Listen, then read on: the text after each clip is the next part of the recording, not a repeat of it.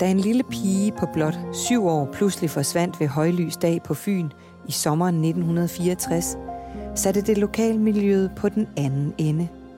Hun skulle findes. Det er enhver forældres værste mareridt, det du skal høre om i denne særudgave af Danske Drabsager. Vi skal høre om en helt særlig papirsæk, en efterladt pigecykel og et samfunds frygt for, at en børnelokker er på fri fod. Vi hører om drabs efterforskernes komplicerede arbejde, et næsten stensikkert alibi, et muligt justitsmord, og om ganske få minutter kan være nok til at begå den ultimative forbrydelse. Til at fortælle om sagen i dagens afsnit har jeg talt med historiker og museumsleder på Politimuseet, Frederik Strand. Mit navn er Stine Bolter. Velkommen til podcasten Danske Drabsager, særafsnit 5. Hun sætter sig op på cyklen og gør klar til at køre til skolebussen. Det er sjette gang, den syvårige pige cykler turen alene. Men det bliver hendes sidste tur nogensinde. Hun vinker glad til sin mor, og kort efter er hun som sunket i jorden. Flere hundrede personer leder efter hende til lands, til vands og i luften. Vandhuller bliver tømt for vand. Fly fotograferer området fra luften. Alle dele af skove, grøfter og øde steder bliver gennemsøgt til fods. Snart bliver hendes skoletaske og cykel fundet i udkanten af en skov. Men pigen selv er og bliver væk. Frederik Strand, vi skal tilbage til 1964. Hvad er det for en sag, du vil fortælle os om i dag? Ja, i august 1964, der øh, kører den øh, syvårige Mona til skole. Hun bor i et meget naturskønt område omkring øh, Hvidkilde Gods. Det skal lige sige, at Hvidkilde Gods det ligger imellem Forborg og Svendborg på Fyn. Hun er lige startet i skole, og øh, hun øh, cykler afsted, og hun er på egen hånd, og planen er, at hun skal cykle et stykke vej, og så skal hun tage bussen resten af vejen til, øh, til skolen. Og der er også vidner, der ser hende. Hun kommer kørende. Omkring kl. 11 tager hun afsted. Der er vidner, der ser hende omkring kl. 12 minutter over 11. Der ser hende komme cyklerne. Og øh, så er der andre vidner, der ser, at hendes cykel står tæt på øh, busstopstedet, øh, og der er klokken cirka 11.24. Og derefter er Mona væk. Hun er forsvundet. Og det er sådan, at der kommer nogle skoleelever tilbage, og det er klokken cirka 14, og de ser så, at Monas cykel står der stadigvæk, og det undrer de sig over. Derfor så øh, siger de det til deres forældre. Forældrene bliver nervøse, og snart så bliver Monas forældre også kontaktet, og de skynder selvfølgelig hen, der hvor cyklen står, og lynhurtigt herefter bliver der lavet en stor eftersøgning af Mona. Men Mona, hun er som, som sunket i jorden. Og på trods af, at man i de næste dage iværksætter nogle kæmpe store eftersøgninger. Altså vi taler om nogle af de største eftersøgninger, som vi faktisk har i efterkrigstiden der bliver indsat øh, ja, faktisk i tusindvis af personer for at finde øh, Mona. Det er hele, hele området omkring øh, stedet, hvor cyklen er blevet fundet. Det bliver øh, simpelthen øh, kæmmet i øh, detaljer. Man sætter helikopter ind, hjemmeværnet. Der bliver brugt enorme ressourcer på at finde Mona, men hun er forsvundet. Altså sporløst forsvundet. Og det er klart, at øh, forældrene og også det lokale samfund, de oprørte over det her at en 20-årig pige kan forsvinde på den her måde og forsvinde øh, fuldstændig sporløst. Eftersøgningen var i fuld gang, og danskere over hele landet var oprørte over, at en så lille pige på syv år pludselig kunne være væk. Politiet var hurtigt klar over, at der formentlig var tale om en forbrydelse, så de startede en efterforskning op. Et uhyggeligt faktum stod nemlig klart for efterforskerne, fortæller historiker Frederik Strand i årene op til, at Mona øh, forsvinder, der er der rigtig mange piger, der er forsvundet. Mest unge piger, som er forsvundet, om som man senere har fundet myrdet. Så der har allerede tidligere øh, i Danmark været en, en række sager, som har skabt en del uro i befolkningen. Men her er Mona altså forsvundet, og man formoder, at der er tale om en, øh, en forbrydelse, da hendes cykel jo står der, og man derfor kan se, at hun ikke har været ude for en ulykke. Altså så må man formode, at et eller andet er sket med hende. Hun er blevet taget op måske, hun kan være holdt fanget et eller andet sted, eller hun kan være blevet taget op øh, af en person og måske slået ihjel i bilen og placeret et eller andet sted, som er ukendt for politiet. Så øh, en eftersøgning og en efterforskning er altså øh, i gang. man begynder også i øh, de efterfølgende dage at undersøge, om der er nogen i lokalområdet, som man måske allerede kan have en formodning om, kan være involveret i den her sag her. Og i den forbindelse, der ser man særligt på personer, som øh, har været involveret i sædelighedsforbrydelser. Og øh, der er forskellige personer inde her og øh, bliver afhørt, men som udgangspunkt er der ikke nogen, som man kan knytte op på øh, Monas forsvinden. I enhver drabsag er livet omdrejningspunktet. Den dødes krop kan på sin egen måde komme med afgørende oplysninger, som kan pege politiet i en bestemt retning. Men, populært sagt, intet lig, ingen sag. Selvom der intet lig var i denne sag, lagde politiet sig alligevel i selen for at få et gennembrud. Nogen måtte have set noget, nogen måtte vide noget. En mand blev anholdt og siden løsladt igen med en undskyldning og 200 kroner i erstatning for uretmæssig anholdelse. Rigspolitiets rejsehold blev også tilkaldt, men også uden det hjælp til en opklaring. Mona var forsvundet sporløst. Først i september 1964 skete der noget afgørende. En øh, mand henvender sig til politiet, og i det område, hvor han bor, der kan han fortælle, øh, at han har fundet en mærkelig bylt. Det undrer ham, øh, hvad det er, der ligger ude i den her vand, i en form for sø i det nærliggende område.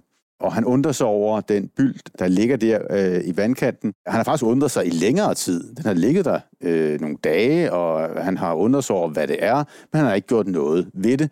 Og nu henvender han sig altså til øh, det lokale politi og forklarer, at, at øh, der er noget her, der undrer ham, og om det kan have en tilknytning til Mona-sagen.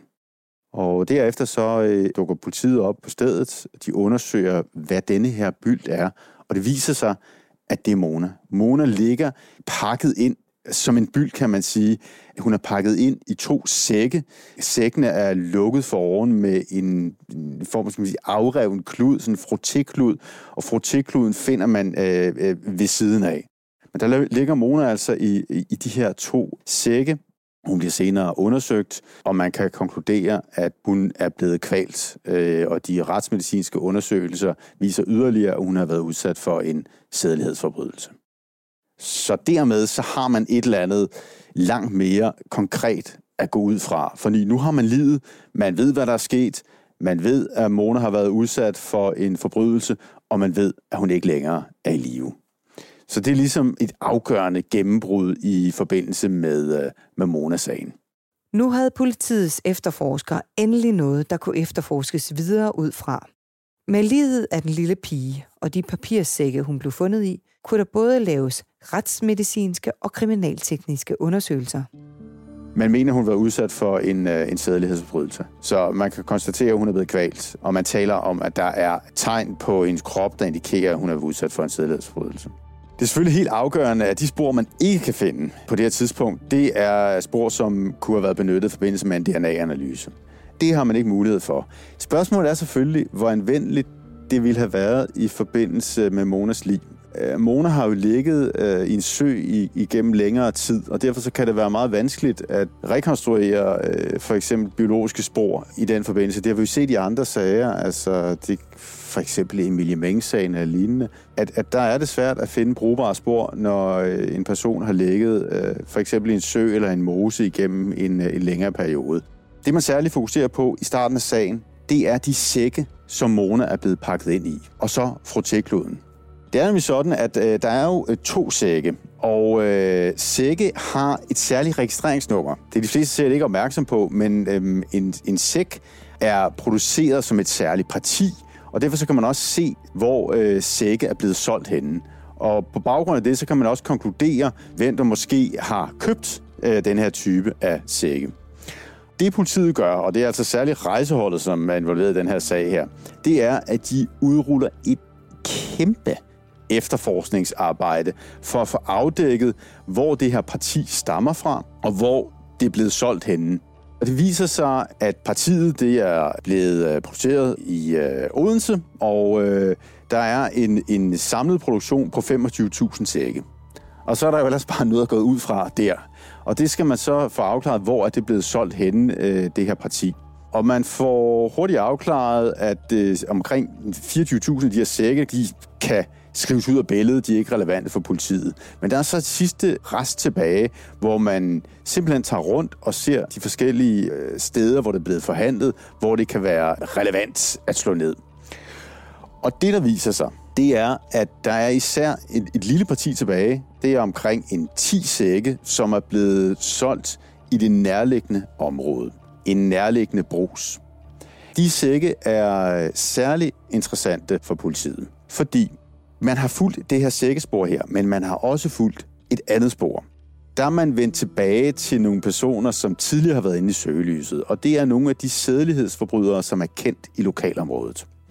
Der er særligt en person, som øh, har vist sig interessant. Han er tidligere blevet afhørt af øh, politiet, men man har måttet lade ham gå. Men der er en person her, og han hedder Tage Pil, og han dukker igen op i øh, politiets radar. Den 38-årige Tag Pil kendte politiet nemlig i forvejen. Han havde før været straffet i en sag om en sædelighedsforbrydelse. Den sag, den har fundet sted før drabet på Mona. Og sagen går i al sin enkelhed ud på, at en øh, bil er kørt op på siden af en øh, 9-årig pige. Og øh, den 9-årige pige øh, har været ude og øh, cykle med sin, øh, sin bror, og brugerne kører lidt i forvejen, og derfor så kører hun alene. Men bilen kører altså øh, op på siden af hende og spørger, om hun ikke vil køre med. Øh, manden i bilen tilbyder hende en krone. Men pigen, hun afviser det. Og i øvrigt så er der sådan, at, at drengen han stopper op foran, så der er altså et ekstra vidne til, og derfor så kører manden videre. Men det, der sker, det er, at børnene tager nummeret på bilen. Og det nummer, det svarer til nummeret på øh, Tage Pils bil. Og dermed så er Tage Pil jo lige pludselig rigtig, rigtig interessant for politiet, fordi det er jo en begivenhed, der meget vel kunne minde om Monas forsvinden. Og derfor så er Tage altså virkelig i øh, politiets søgelys. Det skal i øvrigt også siges, at øh, Tage har været involveret i øh, en anden sag. Øh, det er en form for blufærdighedskrænkelsesag, hvor der er en pige, der har været ude i skoven, og der, der øh, har hun overrasket uh, der står uden bukser på. Og det har hun efterfølgende fortalt til sin mor, der er gået videre med sagen. Men øh, Tapil forklarer til politiet, at i virkeligheden så havde han været ude, og han havde trukket sig tilbage på naturens vegne, det er hans forklaring, og derfor så bliver han altså overrasket på den her måde her. Den mand måtte politiet have fat i hurtigst muligt. Han blev anholdt og udsat for en intens afhøring, fortæller Frederik Strand. Tapil, han benægter alt. Han har intet haft at gøre med Mona-sagen der øh, foreligger en, en, en, en fejl, og i øvrigt så forklarer han også, at hvis det er sådan, at de to børn har observeret hans bil på et tidligere tidspunkt, så må der her også foreligge en, øh, en fejl, han har intet haft med det at gøre. Måske nogen eventuelt har stjålet hans bil, siger han, og kørt i den. Det lyder selvfølgelig som en lidt besønderlig forklaring, kan man roligt sige, men øh, han benægter i hvert fald alt. Det, der er politiets problem i forbindelse med Tage Pil, det er, at han har et alibi. Det er nemlig sådan, at på den dag, hvor Mona bliver dræbt, der har Tage Pil været henholdsvis i Svendborg og i Forborg. Og han har haft rigtig mange forskellige ærner de to steder. Og det kan han dokumentere. Han har faktisk været forbi i forskellige butikker, og han har også været inde på forskellige offentlige kontorer og betalt forskellige regninger. Og det kan dokumenteres. Og papirerne, de findes faktisk stadigvæk øh, i forhold til, hvor han har været alle de forskellige steder. De ligger på Politimuseet, hvor alt sagsmaterialet fra Mona-sagen befinder sig. Og der kan man se, hvordan han faktisk har været rundt mange forskellige steder og øh, betalt regninger. Det er selvfølgelig et problem, fordi på det tidspunkt, hvor, øh, hvor Mona forsvinder, og der har vi jo et tidsrum, der hedder fra omkring en 11.12 til 11.24. Det er lige præcis i det tidsrum, at Tapil, øh, efter politiets formodning, har været forbi og har passeret hende og har taget hende med op, og så efterfølgende har slået hende ihjel. Men lige præcis på det tidspunkt, der er det sådan, at, at der har han altså, øh, altså i hvert fald i noget tid nogle ærender. Øh, og det, det, det skaber en del problemer. Og det man helt kort fortalt øh, ligesom koger det ned til, det er, at der er måske et tidsrum på omkring en 3-4 minutter. Det er det tidsrum, hvor terapil har skulle passere forbi, se Mona, og tage hende op. Så det er et meget, meget, meget snævert tidsrum, der overhovedet er til stede, for at terapil kan begå sin forbrydelse. Og terapil hævder jo selv, at, at det tidsrum slet ikke er til stede. Der er han faktisk ude og, lave, og afvikle nogle på det tidspunkt. 4-5 meter fra land ligger et par papirsække og driver rundt i skovsøen. Manden, der ser sækken, har set den før. Men først i dag ringer han til politiet og slår alarm. Det ser altså mystisk ud, synes han. Da landbetjenten kommer, forsøger han med sin fiskestang at rave posen i land. Med i det samme går der hul på posen, og livet af den savnede pige kommer frem. Hun er forslået, og det ene ben er brækket. Mens hun bliver kørt til obduktion, banker to betjente på hos hendes forældre og giver dem den frygtelige besked, at deres datter er død. Nu står politiet over for spørgsmålene. Hvem har smidt Mona i søen 19 km fra hendes hjem? Og hvorfor skulle hun dø? Hovedpinen for politiets efterforskere var altså, at de havde en mistænkt, men den mistænkte havde et meget vandtæt alibi. Alligevel opgav betjentene ikke deres mistanke. De havde andre indicier i ærmet, som pegede på, at Tage Pil var gerningsmanden. Blandt andet den type sække, som den døde pige blev fundet i, fortæller historiker Frederik Strand. Tage Pil, han har faktisk købt 10 af de sække. Det kan man dokumentere, og der ligger også regninger på det. De regninger eksisterer stadigvæk. Der kan man se, at, at, at det parti er blevet købt. Problemet er her, at da politiet renser Tage Pils bogpæl, så finder man otte af sækkene. Så de har ikke været anvendt. Og der mangler jo så to sække. Problemet er bare, at Terapil han kan dokumentere, at en af sækkene har han faktisk skilt sig af med, fordi han har været ude på en losseplads, og det har afleveret forskellige materiale, og der har han brugt en af sækkene. Det kan dokumenteres. Og så er der en sæk tilbage, men det er jo ikke nok. For hvad med den, den anden sæk? Der var jo to sække på, øh, på gerningsstedet. Og hvordan kan politiet forklare det? Ja, forklaringen bliver, at Tage Pil i virkeligheden ikke har købt 10 sække, men 11 sække. Der er en form for svind i den brus, hvor han har købt sækkene. Og der er der en ekstra sæk, som han har fået med, formoder politiet. Og det er den sex, ekstra sæk, han har brugt til at pakke Mona ind i. Men det er sådan en, et, der ligger nogle problemer i denne her, kan man sige, for politiet fortsat, men, men det er formodning, at der har været en eller anden form for ekstra sæk, han har fået med. Og det er den, han har altså har pakket Mona ind i. Men, men der er et, et, altså også nogle vanskeligheder der i forhold til det endelige bevisførelse. Men så har de et sidste S i ærmet, politiet. Og det er måske det mest afgørende S i hele sagen. Og det er frotekloden. Det er nemlig sådan, at man finder jo en frotéklud ved gerningsstedet, som er blevet brugt til at øh, snøre for de sække, som Mona har været pakket ind i. Og på øh, Tapils bopæl, der finder man en frotéklud, der minder fuldstændig om den frotéklud, som øh, er blevet brugt til at snøre sækkene med for Monas lig. I enhver drabs efterforskning sætter man kriminalteknikere på arbejde, og i denne sag var det klart, at den mistænkte bil skulle undersøges grundigt for mulige spor. Undersøgelsen af Tage Pils øh, bil giver ingenting, og det er selvfølgelig også en del af problemet. Man finder ikke noget, som kan anvendes i hans bil.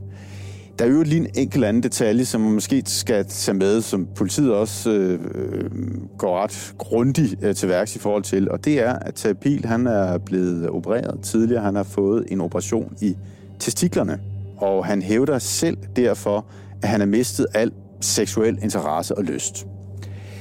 Og det er faktisk rigtigt, han er blevet opereret. Så, så der er faktisk en kompleksitet også der i forhold til det. Men man laver også undersøgelser øh, der, og det er uklart, hvad, hvad den her, om den her operation har en anden indvirkning, øh, varig indvirkning øh, på ham. Politiets konklusion er dog, at det har øh, operationen ikke. Men, men det er altså også et af de punkter, som, som, som bliver diskuteret, om det spiller ind på ham, kan man sige, ikke på det tidspunkt her.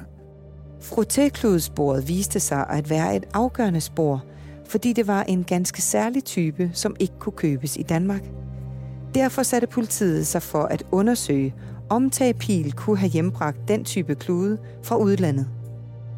Tapil, han er øh, uddannet øh, sømand. Han har øh, sejlet forskellige steder. Han har været i udlandet. Politiets teori går derfor på, at Tapil har været i udlandet. Der har han købt nogle frotéklude, og dem har han taget med hjem. Dem har han altså haft på sin bogpæl. Og da han så har slået øh, Mona ihjel, så har han haft hende i sin bil, men han har skilt sig af med livet. Og derfor så har han øh, taget to sække på sin bogpæl. Der har han pakket Mona ind i, i sækkene, og så har han snørret med en frotéklud, som han har haft på sin bopæl. Og så har han altså efterfølgende dumpet sækkene med livet i en øh, nærliggende sø. Og det er altså forklaringen der, og det er altså derfor, efter politiets opfattelse, at øh, de to frotéklude, de matcher med hinanden. Snart mente politiet, at han nok beviser og indiser på, at Tage Pil stod bag drabet på den syvårige Mona. Formodningen går på, at Tage Pil har kørt fra Svendborg til Forborg. Muligvis fordi han har skulle øh, ordne nogle ærner. Han har kørt mellem de to byer i forbindelse med, at han har ordnet sine ærner, og der er han stødt på Mona og øh, har taget hende op og øh, har så slået hende ihjel. Og han har haft hende i bilen, da han er kørt imellem de to byer.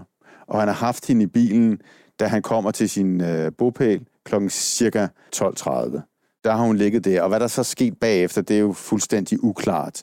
Men han har på en eller anden måde skaffet sig af med livet. Og hvor lang tid hun har ligget i bilen, er jo også uklart. Og om han har flyttet hende til et andet sted, og så efterfølgende kastet hende ud i, øh, i søen, det er også uklart.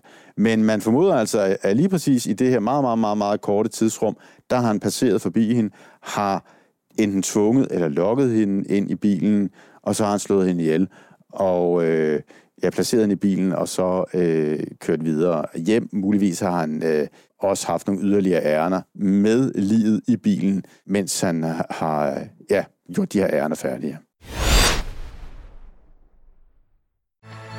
Hej Danmark, Patrick på Gækkers Øllered her. Hvornår har du planlagt din næste tur til Skandinaviens største varehus? På Gækkers i Øllered kan du shoppe og overnatte til fantastisk lave priser. Hvornår kommer du? Shoppa, bo och umgås på Gekås Ullared. Skal man have stor kørekort for at blive det der transportbetjent? Nej, men du skal have haft kørekort i tre år. Og hvad med skole? Er der meget af det? Selve uddannelsen, den tager to år, men skolen, det er kun tre måneder. Resten af tiden, det er praktik. Det er ikke dumt. Men det er lang tid at være på SU. Nej, du får fuldt den i begge år. Seriøst? Fedt! Vil du også arbejde med indsatte og bidrage til mindre kriminalitet i samfundet? Så søg ind på uddannelsen til transportbetjent senest 21. maj. Eller læs mere på blivtransportbetjent.dk. Ej, det er så spændende. Jeg tror aldrig, jeg har haft den her følelse før i kroppen. Bachelorette er tilbage. Jeg går helt i panik. Jeg kan ikke sige det navn, som skal have min sidste rose. Ja, men det er dit værd. Ikke også? Bachelorette. Lige nu på TV2 Play. Jeg kommer bare til at nyde hvert sekund af det. Aviserne har billeder af den afdøde piges smilende ansigt og mørke grydehår på forsiden. Det er i dag, nævninge og dommere skal beslutte, om den 39-årige tiltalte mand er skyldig i barnemor eller ej. Døren til hans celle er låst op, og han er blevet ført ind i retslokalet i Odense. Nævningene har voteret i næsten tre timer, og nu skal den tiltalte skæbne besejles. Den 39-årige sidder og ser stift frem for sig – mens alle i retten ser på ham. Før har han udtalt, at hvis han bliver dømt skyldig, vil han have hævn. Nævningeformanden læser de ni tiltalepunkter op fra sine papirer og besvarer dem med enten et ja, han er skyldig, eller et nej, han er ikke skyldig. Der er så stille i retssalen, at man kan høre en knappenål falde til jorden. Men for sagens hovedperson er det nu et spørgsmål, om hans liv falder til jorden, eller om han frifindes. Da sagen kom for retten, var mange spændte på, om Tage Pil kunne blive dømt skyldig i manddrab. Det er en meget, meget, meget kompliceret sag. Men konklusionen på sagen bliver altså, at sækkene sammenholdt med frotékluden, sammenholdt med politiets komplicerede tidstabel omkring, hvor Tage Pil har været inde, det ender med at blive afgørende beviser i retten. Og det fører til, at Tage Pil han bliver dømt. Han får livsvarigt fængsel for at have begået drabet på, øh, på Mona. Denne dom, den munder ud i en betydelig diskussion efterfølgende. fordi der er flere journalister, som mener, at bevisgrundlaget er for spinkelt. Man mener, at det, at der er nogle froteklude, som politiet finder på Tage Pils øh, det er ikke nok til at få ham dømt. Og man laver omfattende analyser af de her froteklude, også efterfølgende for at finde ud af, om, om det kunne være sådan, at det måske er noget, som også har kunne forhandles i Danmark, at det ikke nødvendigvis er noget, der er hentet udlandet og den slags ting. Men det er der altså flere, der stiller spørgsmålstegn ved, at det er nok til at få ham dømt. Og så er der også hele tidstabellen. Er der nogle huller i tidstabellen? Jeg Har øh, uh, Tage Pil i virkeligheden et alibi? Der er især en journalist, der hedder Erik Nørgaard, som tager sagen op. Og Erik Nørgaard, han er ikke hvem som helst. Erik Nørgaard, han har tidligere været med til at afdække Æderkop-sagen, der viste korruption i øh, politiet efter 2. verdenskrig. Så han er en højt respekteret øh, journalist, og en journalist, der tidligere har lavet betydeligt gravearbejde, især i politiets arbejde. Og øh, han tager altså sagen op. Han skriver også en bog omkring øh, hele øh, Mona-sagen, og der mener han altså at kunne afdække en række ting, der burde betyde, at sagen bliver taget op igen, den bliver taget op ved den særlige klageret, for ligesom at få afdækket, har politiet begået en, øh, en række, øh, øh, hvad skal jeg kalde det, om ikke fejl i sagen, så i hvert fald overtolket en række øh, beviser i sagen. Øh, men det ender med, at den øh, særlige øh, klageret af to øh, omgange afviser at tage sagen op igen, og dermed der ender det. Tapil får livsvarigt fængsel. Sagen bliver ikke taget op igen, og den slutter altså her. Det Mona-sagen også afdækker, det er, hvor utrolig kompliceret et efterforskningsarbejde kan være. Og også, hvor, hvor mange kompleksiteter der kan være i en, øh, i en efterforskning. Og selvfølgelig også det, at, at alt ikke altid ligger sådan lige for. Der kan være mange øh, kan man sige, uklarheder og utrolig mange nuancer i forbindelse med denne her type øh, af sager. Så derfor så er øh, Mona-sagen på mange måder sådan et, et skoleeksempel på, både hvor omfattende øh, en drabsefterforskning kan være, men også hvor meget, utrolig mange nuancer, der så indfinder sig i denne enormt komplicerede efterforskning. Man siger, at man hellere skal lade 10 skyldige gå fri, end at sende en uskyldig i fængsel. Flere sager har igennem tiden været genstand for spekulationer om, der kunne være tale om justitsmor, altså hvor en uskyldig er blevet dømt skyldig i en dansk retssal. I sagen om drabet på Mona opstod der tvivl om Tage Pil kunne være uskyldigt dømt, fortæller Frederik Strand her. Fra starten af, så er der nogle diskussioner omkring altså hele sagsforløbet, øh, og især frotekluden og tidsforløbet, der gør, at sagen ja, vinder indpas og bliver taget op i, øh, i pressen. Tapil har også nogle forbindelser. Han hævder jo selv, at han er uskyldig, og der er jo også en eller anden form for tip til journalisterne. Og det tip fra ham er også det, at han hævder, at han er uskyldig. Det gør, at journalisterne tager sagen op og mener, at øh, her er der altså nogle huller, her er en række ting, som ikke er blevet endelig afdækket. Så øh, forbindelsen imellem øh, Tabil, Tabils advokat, og så de her ret højt profilerede journalister, især Erik Nørgaard, gør altså, at, øh, at sagen bliver taget op. Og dermed så bliver der altså åbnet for hele det her mulige justitsmors øh, perspektiv, som altså bliver endelig afvist af den særlige klageret. Øh, til sidst kan man sige, i og med, at de ikke ønsker at tage sagen om.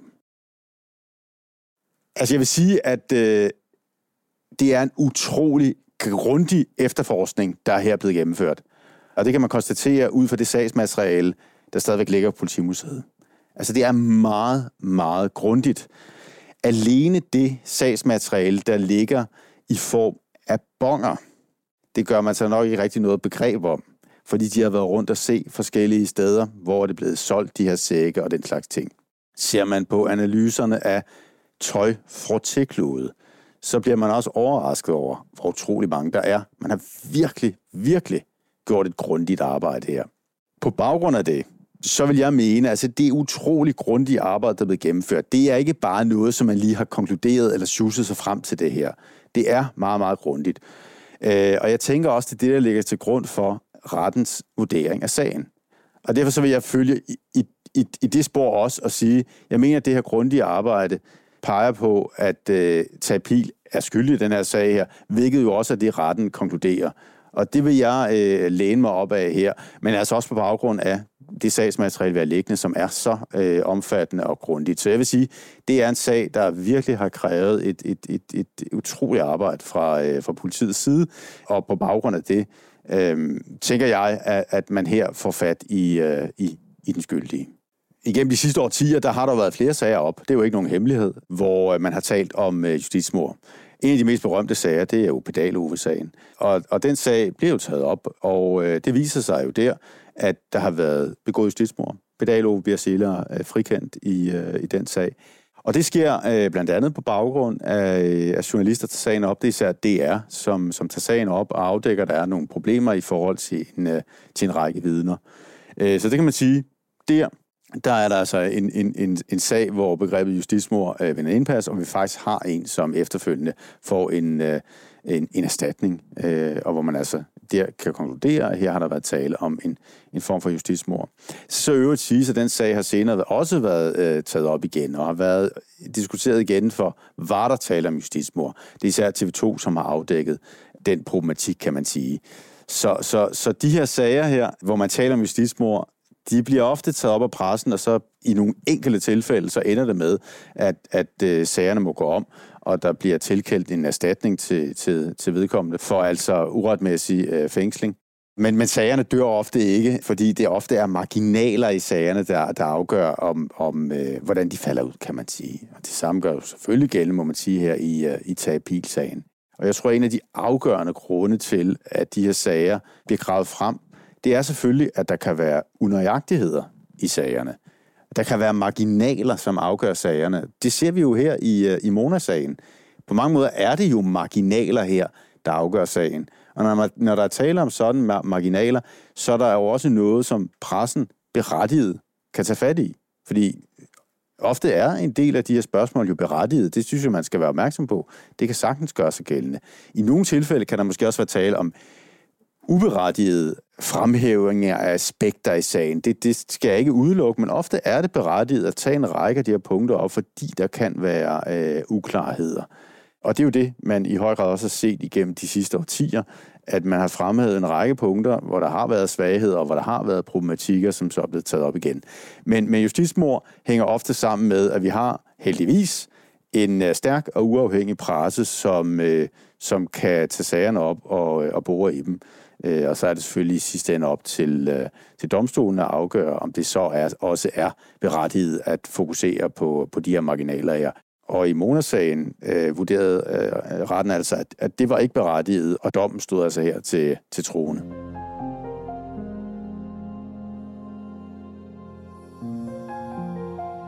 Sagen her er et bevis på, at en drabs efterforskning er et finmasket net, hvor hver en sten skal vendes. Så den dag, der eventuelt falder dom over en person, skal det kunne siges, at det er uden for enhver rimelig tvivl, at vedkommende er skyldig i forbrydelsen. Tak til museumsleder på Politimuseet og historiker Frederik Strand.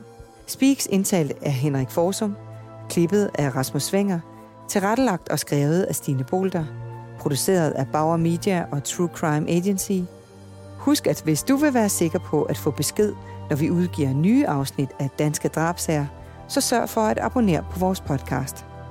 Vi arbejder i øjeblikket også på nye afsnit i det format, du kender, med de eksperter, der har været helt tæt på opklaring, sporsikring, de retsmedicinske undersøgelser og rettergang. Mit navn er Stine Bolter. Tak fordi du lyttede med.